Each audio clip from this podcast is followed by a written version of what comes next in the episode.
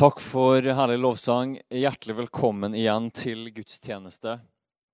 Håper du har vært med i lovsangen og er klar til å dykke inn i Bibelen. Mitt navn er Thomas Dalsbø. Jeg har gleden av å være pastor her og skal få ta oss inn i del to av det som er eh, vår adventsserie her i Kristkirken. Det er også en serie vi har kalt I begynnelsen. Det er en serie som eh, tar for seg noen utvalgte historier fra Første Mosebok. og Vi leser dem, og så prøver vi å stille oss selv spørsmålet hvor er Jesus i de her historiene. Eh, for to uker siden så tok vi for oss skapelsesberetningen og spurte oss sjøl hvor ser vi Jesus.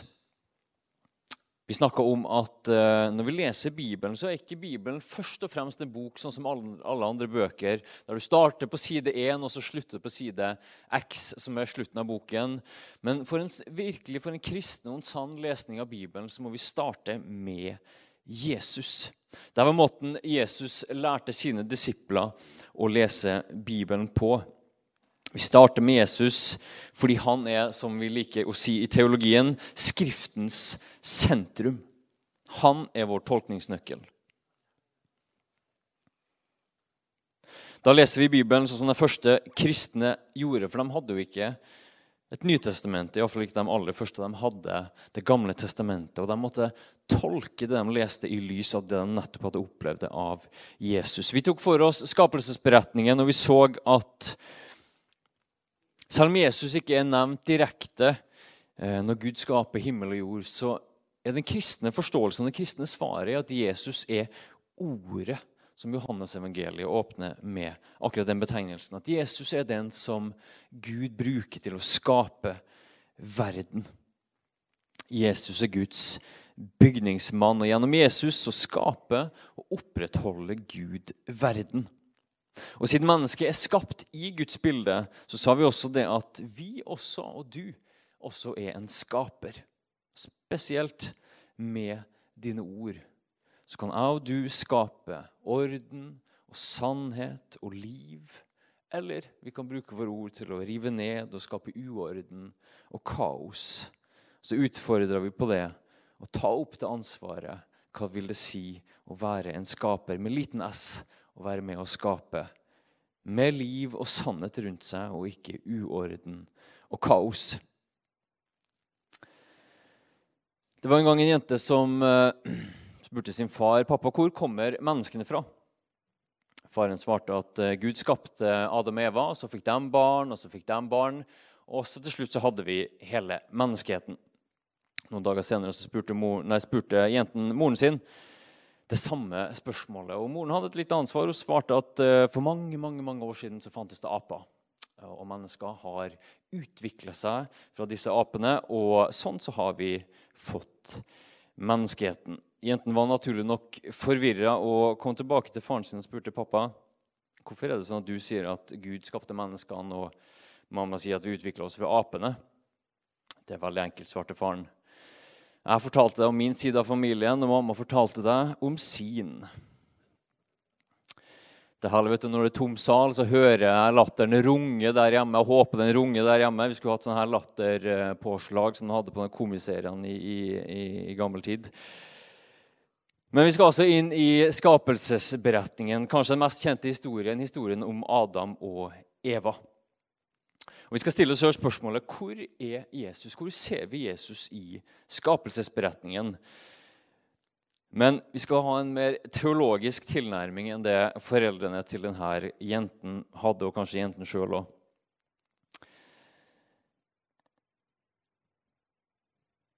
Som dere vet, så ja, for Hvis du har lest litt i Nytestamentet, så er Paulus ganske opptatt av det her. Det brukes flere ganger at Jesus får denne benevnelsen at han er den nye Adam, eller den siste Adam. Og Vi skal se litt hva det betyr. Men vi starter med å lese fra første Mosebok. og Da er det kapittel 2, altså fra vers 4. Dette er historien om himmelen og jorden da de var skapt. På den tiden Herren Gud hadde laget jorden og himmelen. Det fantes ikke en busk på jorden, og ennå hadde ingen plante spirt fram på marken, for Herren Gud hadde ikke latt det regne på jorden, og det var ingen mennesker til å dyrke den. Men en kilde kom opp av jorden og vannet hele jordens overflate. Da formet Herren Gud mennesket av støv fra jorden. Han blåste livspust i nesen på det, og mennesket ble en levende skapning. Hvis du lurer på hvorfor vi i begravelse sier at 'fra jord er du kommet, og fra jord skal du bli', så har du svaret her. Dette er altså egentlig den andre skapelsesberetningen vi får. I kapittel 1 så har vi den kanskje den som folk kjenner bedre, der det går i syv dager og syv epoker, eller hva du vil, og så skaper Gud planter og trær og himmel og jord og vann, og til slutt menneskene. Og hele tiden så får vi det at Gud sa at det var godt. Men så kommer vi i kapittel 2, og så får vi en kortere, mer konsentrert skapelsesberetning. Videre etter det vi har lest nå, vi skal ikke lese det, men så, så fortsetter skapelsesberetningen. Gud skaper mann og kvinne. Han sier at de skal være ett, og de får et oppdrag. De skal fylle jorden, og de skal ta vare på denne hagen. De skal nære den og beskytte den, og, og, og være med å utvide den. Imidlertid går historien ganske fort ut av kurs når slangen dukker opp.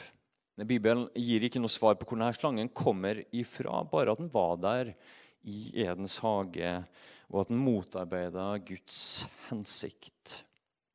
Og Vi vet det, hvis du har lest historien, i alle fall, slangen vrir på sannheten.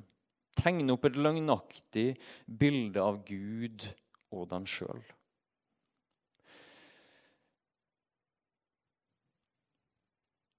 Og Han får beskjed om at hvis han spiser fra dette ene treet som Gud har forbudt dem å spise fra, han kan spise fra alle andre, bortsett fra treet til kunnskap om godt og vondt. Og Hvis han spiser av det, sier slangen, skal han slett ikke dø, men han skal bli som Gud. Og Som vi vet, faller Adam Eva for fristelsen, og the rest is history, som han pleier å si. Skapelsesberetningen er en historie om hvordan Gud skaper mennesket i sitt bilde.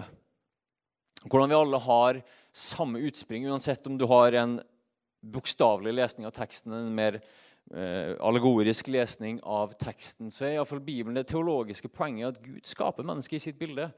Og vi har alle den samme stamfaren, eller stammoren, hvis det går an å si det. Det er historien om hvordan Adam og Eva var skapt til å være Guds sønner og Guds døtre. Faktisk står det i Jesus sin ettertavle i Lukasevangeliet, som vi nå i denne tiden skal lese ganske mange ganger. Hvis du leser ettertalen, er kanskje det du hopper over når du leser Bibelen. Hvis du, hvis du følger den, alle de her rare navnene og kommer hen mot slutten, så står det at det var Sett, og han var sønn av Adam, og Adam var sønn av Gud. Men Adam levde ikke opp til kallet og hva det ville si å være sønn av Gud. Han synda og åpna dermed for at synd og død kom inn i verden. Vi har levd under det siden. Guds gode skapning havna under djevelens makt. Men som vi skal se litt senere Jesus han gjør det stikk motsatt. Og, og Kanskje noe derfor han kalles også den siste Adam i andre Korinterbrev. Han er lydig og fullfører kallet som Guds sønn, der Adam svikta. Det første vi skal se på, er i Lukas 4. Der leser vi om Jesus. Han har vært i Jordan, og døperen Johannes har døpt Jesus. Og så står det de her versene at ånden driver Jesus ut i ødemarken for å bli frista av djevelen. Og da hører jo du selvfølgelig bakteppet av den andre historien også i, fra første Mosebok. At der var det også noen som ble frista av djevelen. I likhet med Adam så møter Jesus en fiende som vrir på sannheten, og som frister Jesus til, til ja, å ta saken i egne hender. Og gå utover det som Gud har sagt og sjøl prøve å produsere et ønska utfall, som egentlig bare Gud kan gi. I motsetning til Adam så står Jesus imot fristeren og blir på den måten en ny Adam som responderer med lydighet der den første Adam svikta. Han lever opp til kallet som Guds sønn.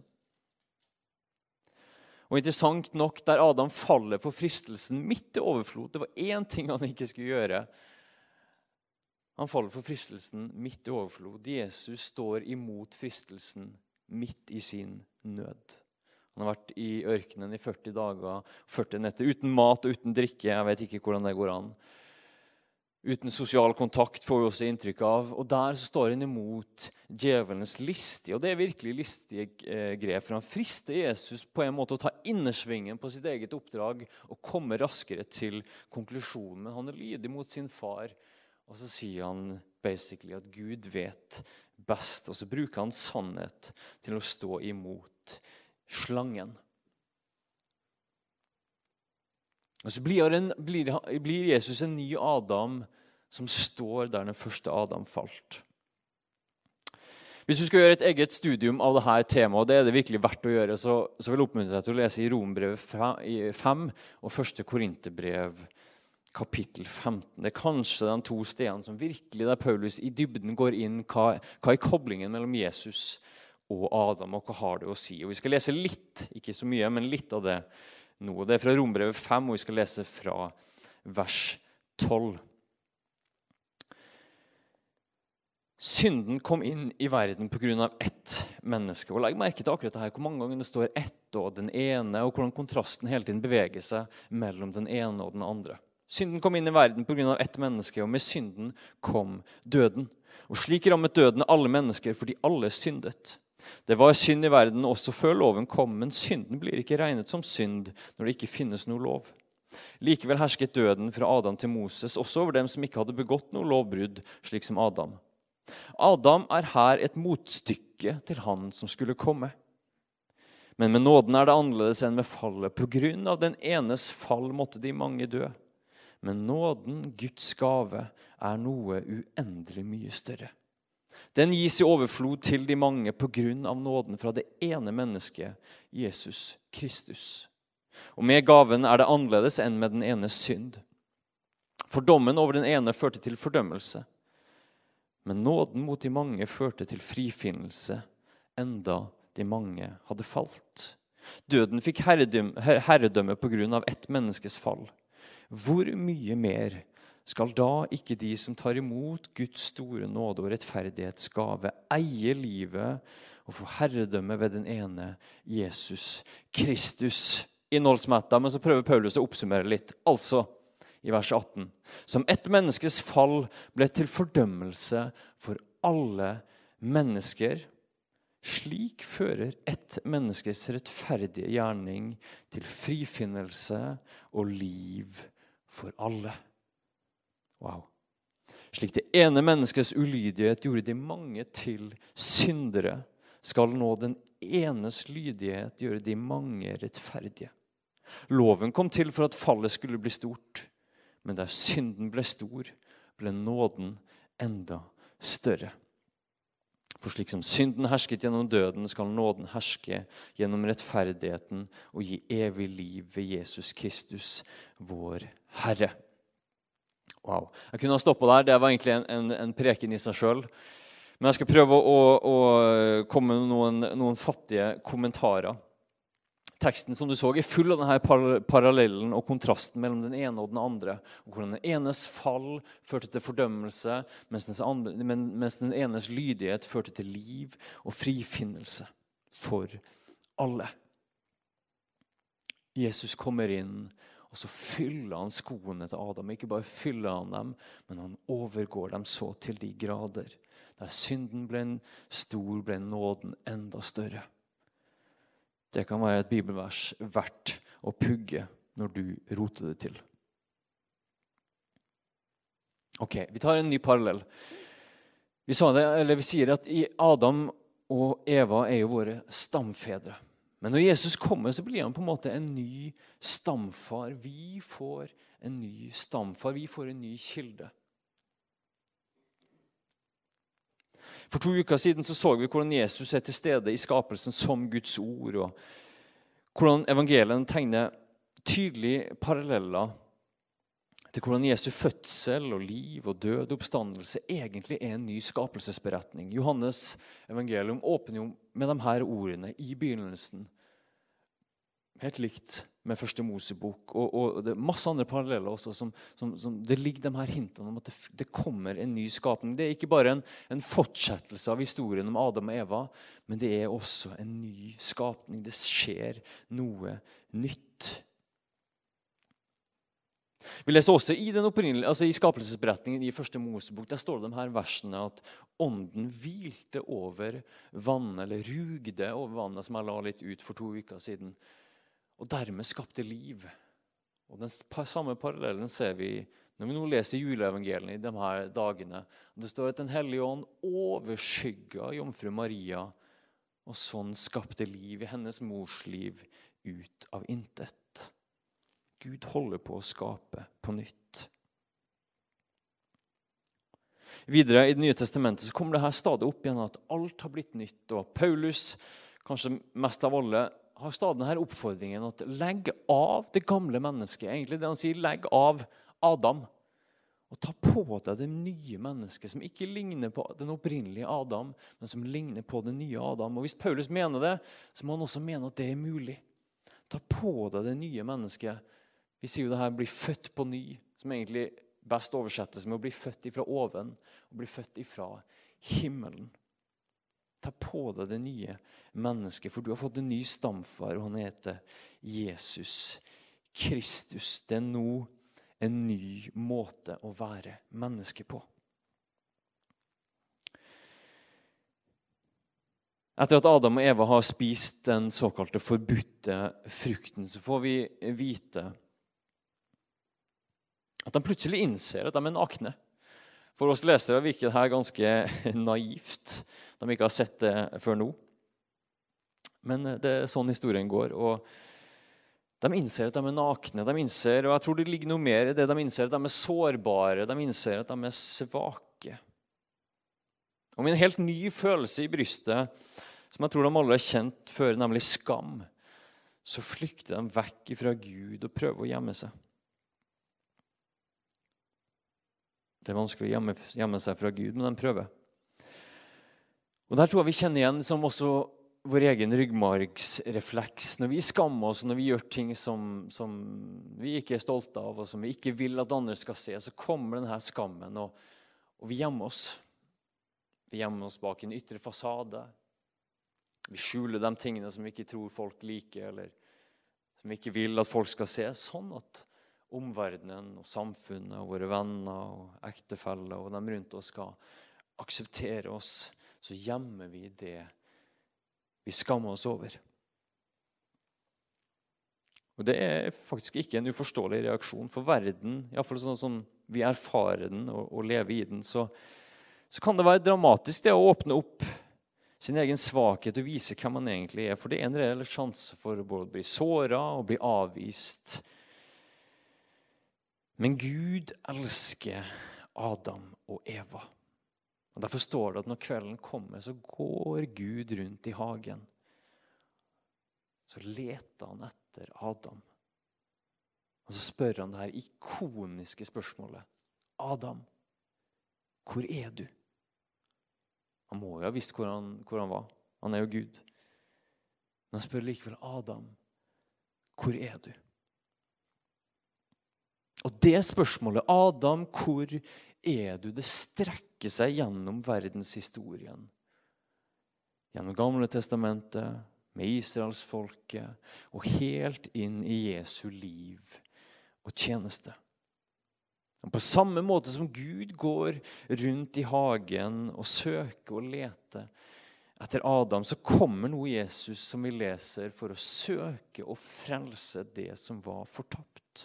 Han kommer kan du si, med ett spørsmål. 'Adam, hvor er du?' Skamfulle Adam, fryktsomme Eva. Hvor er dere hen? Og Evangeliene er historien om hvordan Jesus går til det absolutt ytterste, det mest ekstreme, for å finne Adam og Eva. For å finne menneskeheten og for å finne deg. En gammel kristen hymne som har jeg hørt iallfall, ofte ble sunget på påskedag. har et vers som går sånn cirka sånn som det her. Du, Kristus, steg ned til jorden for å frelse Adam. Men du fant han ikke på jorden. Så du steg ned til dødsriket for å finne ham. Så Jesus kommer til jorden, og så leter han, og så finner han ikke Adam og Eva. Og så tenker han nei, jeg må gå lenger. Jeg må gå dypere, jeg må gå enda mer ekstremt. Jeg må gå ned til dødsriket, ned til helvete, for å finne han. Nå skal vi snart avslutte, men vi skal se et ikon først, og det kommer opp på skjermen din. Det kalles oppstandelsesikonet, eller det kan også kalles eh, Jesu nedstigning til dødsriket. Og Det er et ikon som og det her har lært, har jeg lært av Brian Sand, det er et ikon som forteller så mye om hvordan Jesus søker etter Adam.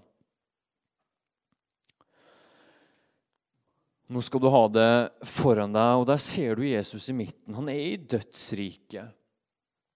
Han står i dødsriket fordi han har nå skal jeg bruke et, et bibelsk begrep fordi han har blitt såret i hælen. Han har blitt bitt i hælen. Det går helt tilbake til første Mosebok. Det leste vi ikke i dag, men der kommer det en litt sånn rar profeti til kvinnen. Etter at forbannelsen er blitt gjort klart, og etter at fallet er gjort klart, så kommer denne profetien at fra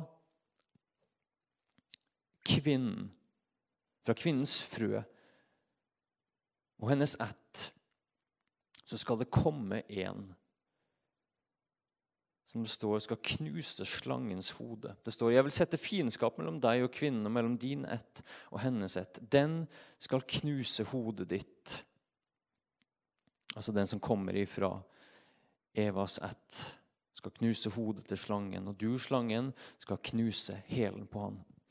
Da vil jeg bare smette inn Stig Magne som går inn og mener at han har nettopp kommet med en ny bok. 'Jesus vant, og vi vil vinne'. Og Da tar, tar han for seg akkurat de her versene. Det kalles proteevangeliet på fint. Stig Magne er jo teolog, så han kan alt om det der.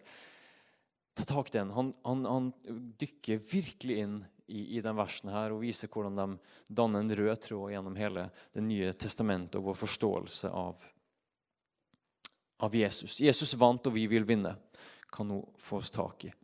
Men uansett, ikonet der står Jesus i dødsriket. Og Han kommer ikke som en fange, men han kommer som en seierherre.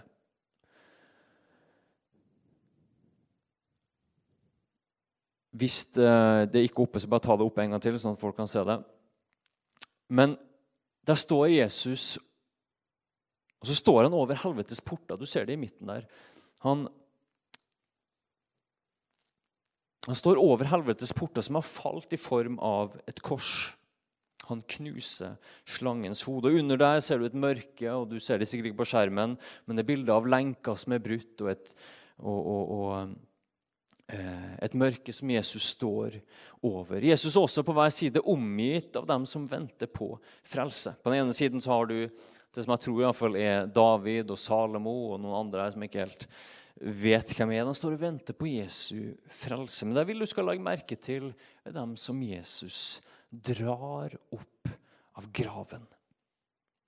Og det, mine kjære venner, det er Adam og Eva. Jesus har funnet Adam og Eva. Jesus har funnet menneskeheten. Og Legg merke til hvordan han holder hendene deres. Jeg vet ikke om du kan se det på på skjermen din. Men det er ikke en sånn 'god dag' og 'vær så god' håndtrykk. Jesus tar dem i risten, og så drar han dem opp ifra graven. Og Det er akkurat som at Adam og Eva ikke er i stand til å frelse seg sjøl. De kan ikke, de kan ikke engang gripe Jesus, men Jesus griper håndleddene deres og drar dem opp. Og Det er det tydeligste bildet av Jesus i historien om Adam og Eva. Hvordan Jesus søker etter Adam og finner Adam i det ytterste mørket, i dødsriket, i fortapelsen. Så drar han dem opp ifra graven, og med dem hele menneskeheten.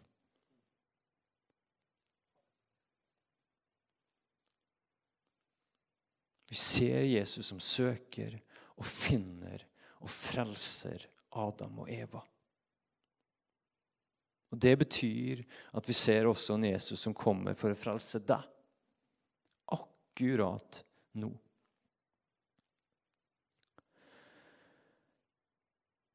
Jeg vet ikke hvor du er i livet, men, men kanskje du også føler nå at på en eller annen måte så er du i et form for dødsrike. Du er i et form for helvete.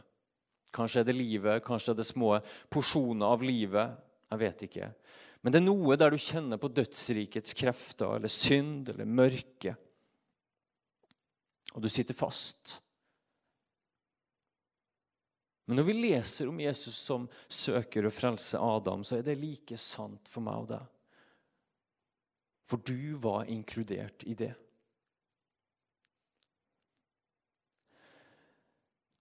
Noe av det Jesus sier oftest i evangeliet er 'frykt ikke', eller 'ikke vær redd' når Jesus kommer og overrasker disiplene. Derfor vil jeg si sånn som kanskje Adam og Eva kunne trengt å høre, Ikke vær redd.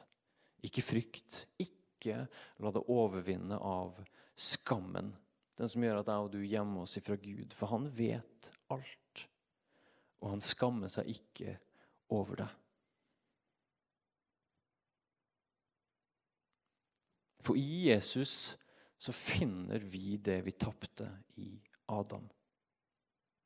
Nå så kan vi leve og være, og det i all evighet, som Guds sønner og Guds døtre.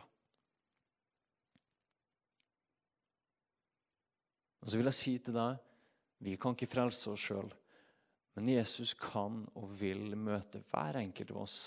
Ikke når vi får alt på stell og så flott kan si til Jesus nei, men jeg er ikke i dødsriket.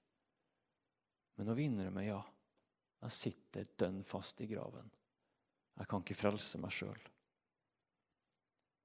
Dit kommer Jesus, og la Jesus få komme dit også i ditt liv.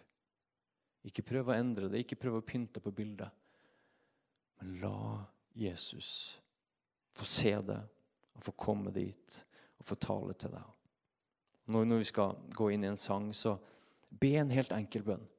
Jesus, hjelp meg. Jesus, møt meg. Noe helt enkelt. Så skal vi gå inn i lovsang. Amen.